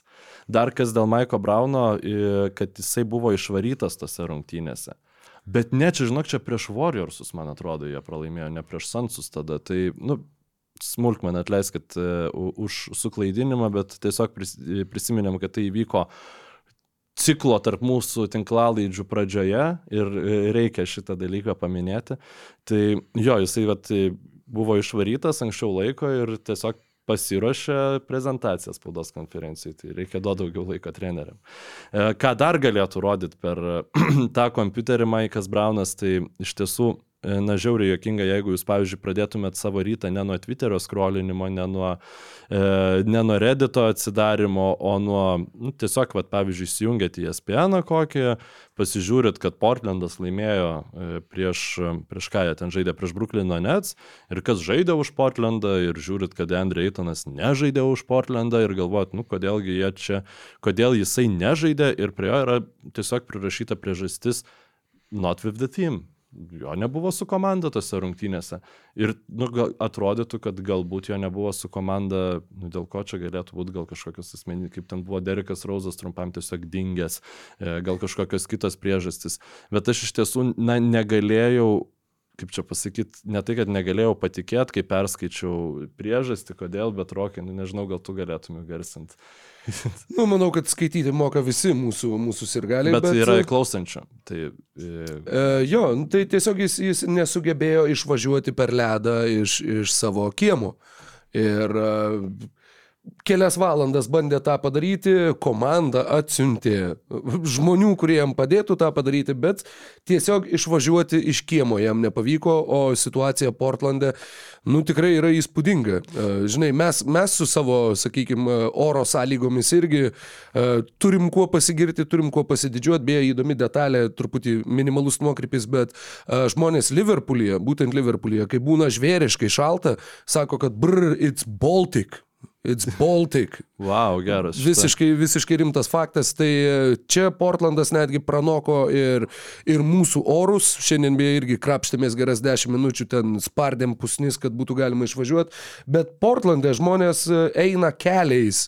E, Bent jau ėjo pastarąją parą, nes tiesiog viskas yra padengta ledu ir nu, vat, negali atvykti į krepšinio rungtynes, nes, nes va. Nes, Jo, va, ne- kaip, nes- kaip tai va atrodo. Ir, ir viena yra, žinai, viena yra skaityti, bet tas, na, frazeologizmai pasirinkti, kad Deandre Eitonas valandą bandė kovoti su ledo gabalu ir aš pradžioje iš vis įsivaizduoju, kaip ten, ar duris sušalo, ar kas yra. Ir, O tai skamba kaip toks RPG, vos ne Dungeons and Dragons, tu kovoji su, su vat, le- ledo gabalu. Nu, iš tiesų galėtų būti nuokrypis e, šito Dungeons and Dragons storyline, būtent nusikelti žemynį Portlandą. Nu, yra visokie Ice Elementals ir taip toliau. Tai jo, jo. Nu, Čia toksai labai, dieve, kaip man to žmogaus gaila. Iš tiesų, nu, jo, nu tau vat reikia. Jis pal- čiuožia, paliko, atrodo, kad- dieve, jis kad- paliko dar šitą krepšį ir jam dabar reikia eiti atgal pasimti į įkalnę. Nu, čia yra kažkoks košmaras. Ir ir tas, vat, kai- kaip iš vis užgimė, net, net nežinau, net ne, ne idėja parodyti, nu, bet kaip a, pradėjom staiga žiūrėti Portlando ledo video, nes topinis komentaras Reddit ir buvo, kad nu čia atrodo kažkaip apgailėtina, keista, kaip pasiteisinimas vos ne kažkoks, kad oi man čia šalta ir aš, nu, tipo, ne, oi, nu negaliu ateiti, nu, išeiginės eitunas norėjo. Ir sako, ir Ir tada tada... iš Bahamų. Ir žinai. tada aš nu, nuėjau į Portlandą subredditą ir ten tiesiog, nu, jūs čia atrodo, kad čia yra kažkoks selektyvus vaizdo įrašas, bet ten yra Marios ir yra, kur ir tiesiog pagrindinė gatvė su pačiūžomis čiuožia moteris į darbą ir daug, daug visokių kitokių. Tai iš tiesų, nu čia Lietuvoje turbūt taip nebūtų, nes e, biški labiau pratę mes gal esam prie žemos, nors Portlandas irgi toksai šiauriausias Amerikos miestas turintis krepšinio komandą. Jis šiauriau net negu Torontas yra. Jis yra E, šiauriausias e, NBA klubas iš viso. Tai, tai va, tokių, tokių aktualijų ir, nu, kaip dar irgi kažkas pasakė, čia yra labai, labai kažkodėl, nežinau kodėl, bet labai tinka Deandre Eitonas, kad būtent iš šitą situaciją papuolė, o ne bet kuris kitas krepšininkas. Nes dar prieš rungtynės buvo pirminis tweetas apie Eitono situaciją, kad Čonsi Bilupsas sakė, kad jisai yra pasiruošęs žaisti, bet jo nėra komandai. Tai mm, ne taip dramatiška, kaip galėjo būti. Bet va, tai tiek tokių e, nuokrypių nuo įprastų krepšinio aktualijų. Jo, beje, tu esi visiškai teisus. Portlandas yra šiauriausias NBA miestas, antras yra Minneapolis, trečias Torontas, ketvirtas Milvokis, kuris yra tik tai minimaliai piečiau negu, negu uh, Torontas. Na taip, bet kažkaip vat, e, po, e, Minneapolis man toks visada labiau žiemiškas atrodė negu Portlandas, bet reikia prisiminti, kad taip. taip Nu, matai, Portlandas yra arčiau vandenyno, tai Minnesota, Minneapolis vis tiek yra labiau žemyninis klimatas, tai ten uh, ta šalčio reputacija ir šalčio, šalčio temperatūros yra turbūt visgi aukštesnės, bet tokių sąlygų galbūt irgi nesusidaro. Ten turbūt jie turi savų problemų su sniego pusnimis kalnais ir, ir kitais dalykais. Na, tai tiek apie NBO geografijos valandėlę. Nu, bet ir- dabar galim dar nukeliauti truputį ir į, gerokai labiau į pietus, į džiazo sostinę, į Naująjį Orleaną, kadangi ten buvo užfiksuotas labai malonus, manau, kad bent jau daugumai lietuvių a, istorinis įvykis. A, Visų pirma, tai Jis buvo užfiksuotas kiek anksčiau, kadangi Jonas Valančiūnas tapo rezultatyviausiu visų laikų NBA lietuviu, aplenkdamas Žydrūną Ilgauską, bet vėliau jis ir pasiekė 11 pelnytų tūkstančių taškų a, ribą NBA lygoje. Pirmas tą padaręs lietuvis ir tuo pačiu pasveikintas ir viso klubo, visos komandos rungtynių kamuolys atiteko jam ir, na, labai šiaip pozityviai vertinamas yra, yra JV tiek šiame sezone, tiek ir pastaruosius kelis sezonus naujajam Orleane, bet dabar Ne, nežinau, galbūt tu dar apie tuos taškus kažką, kažką nori papildomo pasakyti, tai nenoriu atimti, taip sakant, e, tribūnos iš, iš tavęs, mielas kolega. Nu kaip aš e, tik noriu pasakyti, kad pagal tuos daugiausia surinktų taškų, tai čia vėlgi yra pagal reguliarų į sezoną, kaip ir buvo tas Lebrono e, pasiekimas labiau akcentuojamas, kai jis Abdul ap- aplenkė būtent pagal reguliariam sezonė surinktus taškus, nors jis jeigu jau in, įskaičiuojant ir atkrintamasias, tai jau buvo seniau jį aplenkęs, tai Jonui Valančiūnui dar, kad jau taptų jau taip šimtų procentų be jokių klausimų rezultatyviausių lietuvių dar reikia šiek tiek taškų įmesti, nes Židrūnas Ilgauskas kartu su atkrintamosiom, na, daugiau taškų yra pelnęs vis dar už Joną Valančiūną, tai čia tik tai tokia detalė, bet šiaip, nu labai smagu, kad taip susiklostė Valančiūno karjera ir mes jau šį, šį, šį sezoną nesikį išnekėjom, kad a, šitie metai dar sėki yra Valančiūno e, įrodymas, kad e, niekur jisai nedings iš tos lygos, dar tikrai yra pasiruošęs žaisti, padėti ir, ir, nu, aišku, reikia padidinti tą skirtumą, nu, net ne tai, kad padidinti, bet kiek įmanoma atidėti tą dieną, kai Domantas Sabonis taps rezultatyviausių visų laikų lietuvius, šiuo metu yra 8,5 tūkstančio taškų įmetęs, keliais metais jaunesnis Sabonis, tai nu, čia aišku irgi dar daug, daug e, visko gali būti, bet e, panašu, kad kažkada galiausiai neišvengiamai Saboniui per, pereis šitas titulas, bet smagu, kad Valančiūnas dabar jį turi. O jau kas po šitų dviejų, kas aplenks šiuos du mohikanus, tai irgi labai įdomu, tikėkime, kad Matas Buzelis, jo, kad laukia panašaus lygio ateitis. Va, prisiminiau, keturis podcastus iš eilės aš e, bent kartą per savaitę pasakau savo mintyse, kad e, reikia parentinti apie tai, bet visada pamirštu, nes užsišnekam apie kažką įdomaus. Aš gal aš esu durnas, gal aš nesugebu rasti, bet man atrodo, kad G lygos rungtynių tu negali pažiūrėti Lietuvoje legaliai. Visko gali būti. prasme, aš Nie- niekada nebandžiau. bandžiau, įsi, du kartus bandžiau įsijungti buzelį ir e, jo, nu ten reikia šito ESPN berots plus subscriptiono. ar tai kažko, nu, žodžiu, tiesiog e, anksčiau rodydavo YouTube. Dabar G lyga kažkaip pradėjo, nu, staiga sugalvojo, kad juos nori kažkas mokėti už tai, kad juos žiūrėtų. Aš visiškai nesuprantu šitos logikos, man atrodo labai keista. Gal čia nuo to skuto Hendersono sezono, nes iš tiesų, nu, pernai tikrai nebandžiau žiūrėti NBA lygos tiesiogiai. Gal ir bandžiau kokius porą sykių, bet e, šiemet kažkaip taip norėjus nu, pasižiūrėti, kaip tas metas atrodo. Ir, nu, čia ne NBA, žinai, jų nelegalių streamų tai yra pakankamai sunku surasti, nes niekam šiaip neįdomu yra tai G lyga, tai labai labai keista, kad uh, nusprendė nebetransliuoti savo rungtynių uh, G lygą, o ir highlightus kelia su nupraščiausia kokybė ten. Net, ne full, net YouTube'inio Full HD neištempė. Tai, žodžiu, kažkoks labai nu, keistas neprofesionalumas iš uh, visiems lygos, kuri nu, tai yra dukterinė NBA lyga, tai nėra kažkoks atskiras projektas ir labai, labai keistas požiūris į savo produkto nu, reputacijos bandymą gerinti savo produkto vardo reputacijos ir nu, kai, koks NKL tą geriau daro negu G lyga, tai aš nu, nežinau. Būtent kalbant apie transliacijų ir vaizdo medžiagos klausimą, tai aš esu šiek tiek nusivylęs NBA šitų projektų šį sezoną. Jo, iš tikrųjų Esu bandęs žiūrėti NBA G lygos rungtynės, kai ten dar Ignas Brasdeikis žaisdavo, tai, nu, turiu pripažinti, kad įsijungdavai tas NBA lygos rungtynės ir labai greitai tau praeidavo noras jas žiūrėti, nes, nu, tas krepšinis visgi yra, nu, neapsimeskim, bet, nu, labai antikrepšiniškas. Jo. Bet, jo, truputėlį, nu, liūdna, kad negalim stebėti mato kad mato nesimato uh, legaliais būdais Lietuvoje. Žinai, grįžtant dar prie Valančiūno, Valančiūnas uh, taps laisvojų agentų po šio sezono ir uh, teko skaityti irgi Naujo Orleano sirgalių forumuose, jog labai daug kas nori, kad Jonas liktų komandai, nes labai yra patenkinti jo stabilumu, jo produktyvumu, jo um, tuo ilgamžiškumu, žiausiai sakyti, bet ne visai tą turiu omeny. Na, tuo, kad jis faktiškai nepraleidžia rungtynių dėl traumų, taip, kad jisai taip, taip. niekada nebus nepatenkintas dėl to, kad gauna mažiau ar daugiau prisilietimų prie kamulio, kad jis yra va, tas juodadarbis, toks optimalus vidurio polėjas ir labai smagu matyti, kad sirgaliai tą vertina ir sirgaliai tą supranta ir žiūri labai labai pozityviai į valančiūno indėlį į komandos rezultatus. Apskritai Pelikanai turi potencialo sužaisti vieną geriausių savo sezonų klubo istorijoje 25-17 jų rezultatas dabar. Ypač kaip pelikanai, o ne kaip naujo Orleano, ten Hornets ir taip toliau.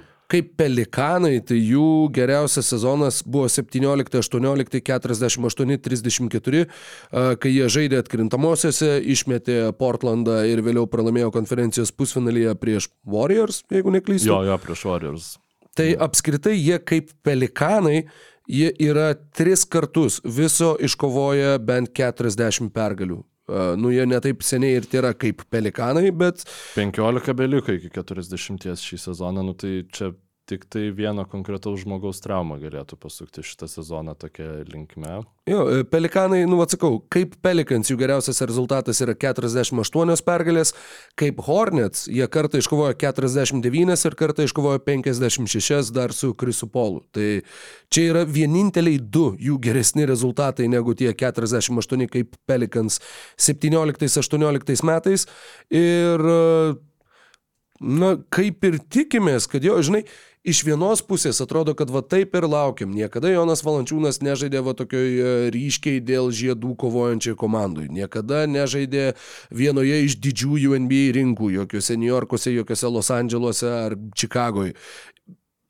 Ar taip ir bus iki pat jo karjeros pabaigos, kad jis ir bus žaidęs va Toronte, Memphis ir Naujam Orleane ir, ir su Torontu taip, jie žaidė konferencijos finale, bet tais laikais, kai rytų konferencija priklausė Lebronui Jamesui ir kai ten šansų pasiekti NBA finalus tiesiog nebuvo. Žaidė, daugiau buvo, jo.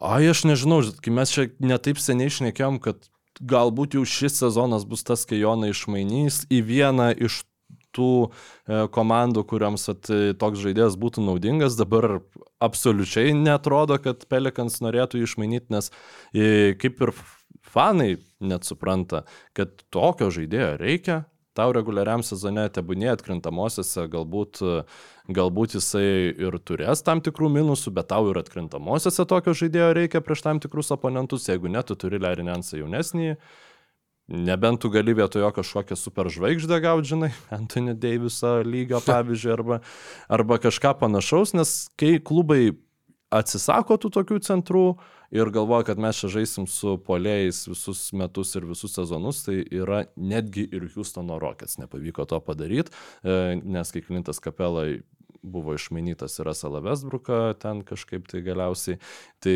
ir tada ten griūt viskas ir pradėjo. Tiesiog to centro, ypač reguliariam sezonui tikrai reikia ir Jonas Valančiūnas puikiai tą rolę atlieka, kaip tu ir sakei, kiek nori tu jį gali leisti, kiek nori, tu jam gali duoti kamulio, jis visada dėl savo puikaus kovojimo dėl kamolių ras kaip būti naudingas. Ir šiaip Pelikans net turėjo labai įspūdingą pergalę prieš Delaso Mavericks, kai jie tiesiog nusprendė um, back-to-back ciklo, viena po kitos rungtynių ciklo metu, uh, vienose rungtynėse pailsint beveik visus savo žaidėjus ir pradėjo rungtynės su beveik visus pagrindinius savo žaidėjus ir pradėjo rungtynės su penketu Dyson Daniels, Jordan Hawkins, Hawkins Herb Jones, Nadži Marshall Marshall ir. Jonas Valančiūnas ir ten tiesiog Jordanas Hawkinsas 34 taškus sukratė ir jie aplašė Dallas Mavericks, kurie žaidė be Luka Dončičiaus, bet su labai, šiaip labai neblogai Dalasas palaiko tą atkarpą be Luko Dončičiaus ir Kairį. Palaikė. Ja. Palaikė. Taip. Dončičius jau grįžo, grįžo šią naktį, bet jie gavo nuo Leikerių.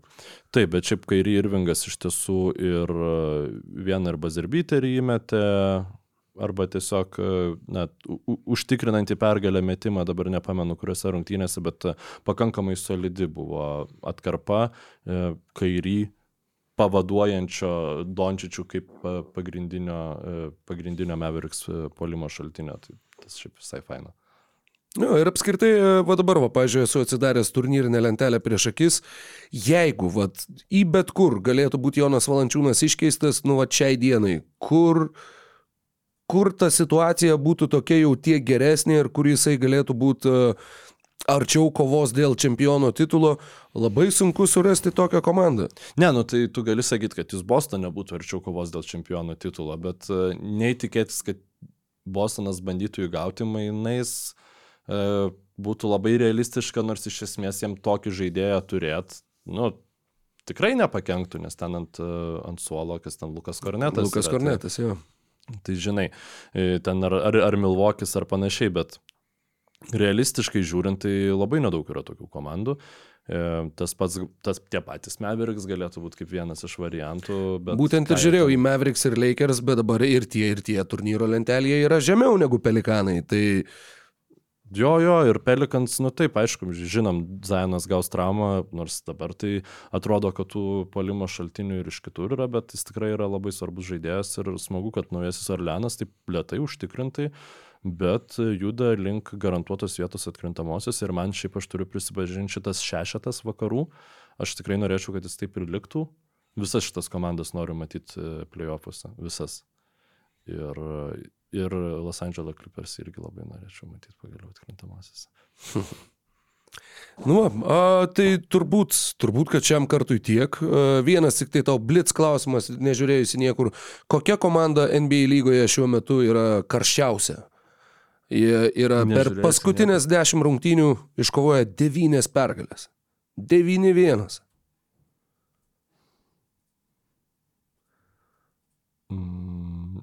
Turbūt neklausiu, jeigu tai, tai būtų kažkoks akivaizdus atsakymas čia, žinai. Tai ar, ne, Niks dabar pralaimėjo, bet bu, Niksai buvo e, visai gerai pavarę. Niksai dabar yra 7-3. Tada gerai keliaujame vakarus mintise. Satanė. Nu, ne, nežinau, ne, nepasakysiu, galiu išvardinti pusę lygos, iki atspėsiu. Jutos jazz. Jutos jazz. Jutos jazz turi šešias pergalės išėlės ir 9-1 ir yra pakilę iki devintos vietos vakarų konferencijoje. Na, tas turbūt bent kažkiek tai liūdna Golden State Warriors, kurių jau ir uh, įkrintamųjų viltys, nu negalim sakyti, kad blėsta sezono dar pusė yra likusi, bet, uh, bet jie šiuo metu yra 12 vietoje ir uh, nieko labai, labai, taip sakant, optimistiško jiems nesišviečia.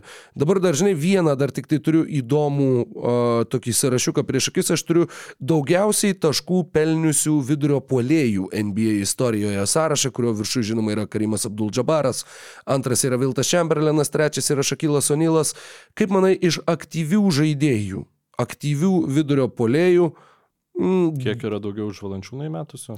E, Matai, iki valančiūno man čia neleidžia pažiūrėti StatMuse, nes man reikėtų pirkti subskripciją.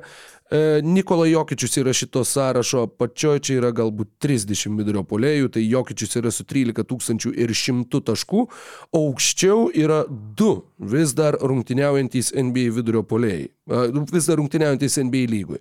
Galiu iškart pasakyti, Vaitą Howardą išbraukti tiesiog iš sąrašo, jisai čia irgi yra su 17 212 Bet taškų. neįskaitant į, tuos du, Dwightą Howardą. Ne, ne, sakau, va, jį iškart išbraukiant iš sąrašo, tiesiog du yra šiuo metu vis dar rungtyniaujantys, uh, stabiliai rungtyniaujantys. Brukas Lopezas. Brukas Lopezas iš karto po Dwighto Howardo pakliūna į top 20.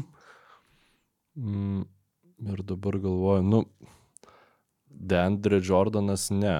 Ne, jis nu, reikia, reikia, taškų bet ne- reikia galvoti vis vien, nu, aš galvoju apie tuos senus ir šiaip Deandre Jordanas, nu, jis e, tiesiog pastoviai rinkdavo kažkiek taškų ir jis žais, nu, jis labai mažai rungtynių praleido savo ten karjeros pradžioje. Gerai, dar peržiūrėkim, Dalasas Nefini. Nu, ir 17 rezultatyviausias visų laikų NBA vidurio polėjas. Wow. Ir jisai jau šiam sezone, jeigu ir toliau žais be traumų, dar aplenks ir Deną Iselį, Jamesą Edwardsą, potencialiai ir Jacką Sigma. Žemiau negu jis yra Bilas Russellas, Bobas McAdoo, Alonso Morningas, Alvanas Adamsas, Neitas Tarmandas. Nu, aš apie Embidą galvojau, bet jis per, m- mažai nemažai praleidęs yra. Nu, aš Nu, turbūt ne, nekankinsiu važiuojam, jo. tavęs 17 rezultatyviausias visų laikų NBA vidurio polėjas yra Nikola Vučevičius. Staptelėjau, kaip, kaip bebūtų keista, ne ties Čikago, ties Orlandu, bet taip pagalvojau, mm, ne, žinai. Net maždaug tiek pat dėmesio skiriau kaip uh, Rob, apie Robiną Lopezą, galvodamas, žinai, geras, nu jo, jisai ilgą karjerą turi, bet aš kažkaip negalvau, kad jis tiek jau ilgai žaidžia. Ir 17 rezultatyviausias visų laikų NBA centras. O paskui mes stebimės, dėl ko jam Karnišovas kontraktus pratesinėjo. Tai vats. Tai linkim ir jum a, pratesinėti kontraktus pelningai, a, rinkti taškus ten, kur juos renkat, a, likti sveikais, nesirgt, neslidinėti per daug ant ledo ir kad neateitų Portlandas į Lietuvą.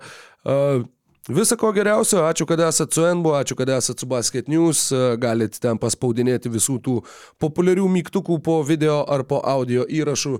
Dėkui iš viso širdies, iki kito susiklausimo už savaitės, laimingai. Iki. Ačiū, kad žiūrėjai šį podcastą. Paspausk like, taip bus pamatys dar daugiau žmonių, arba prenumeruok kanalą ir gausi informaciją iš karto. Nuo dar daugiau turinio BN ⁇. e.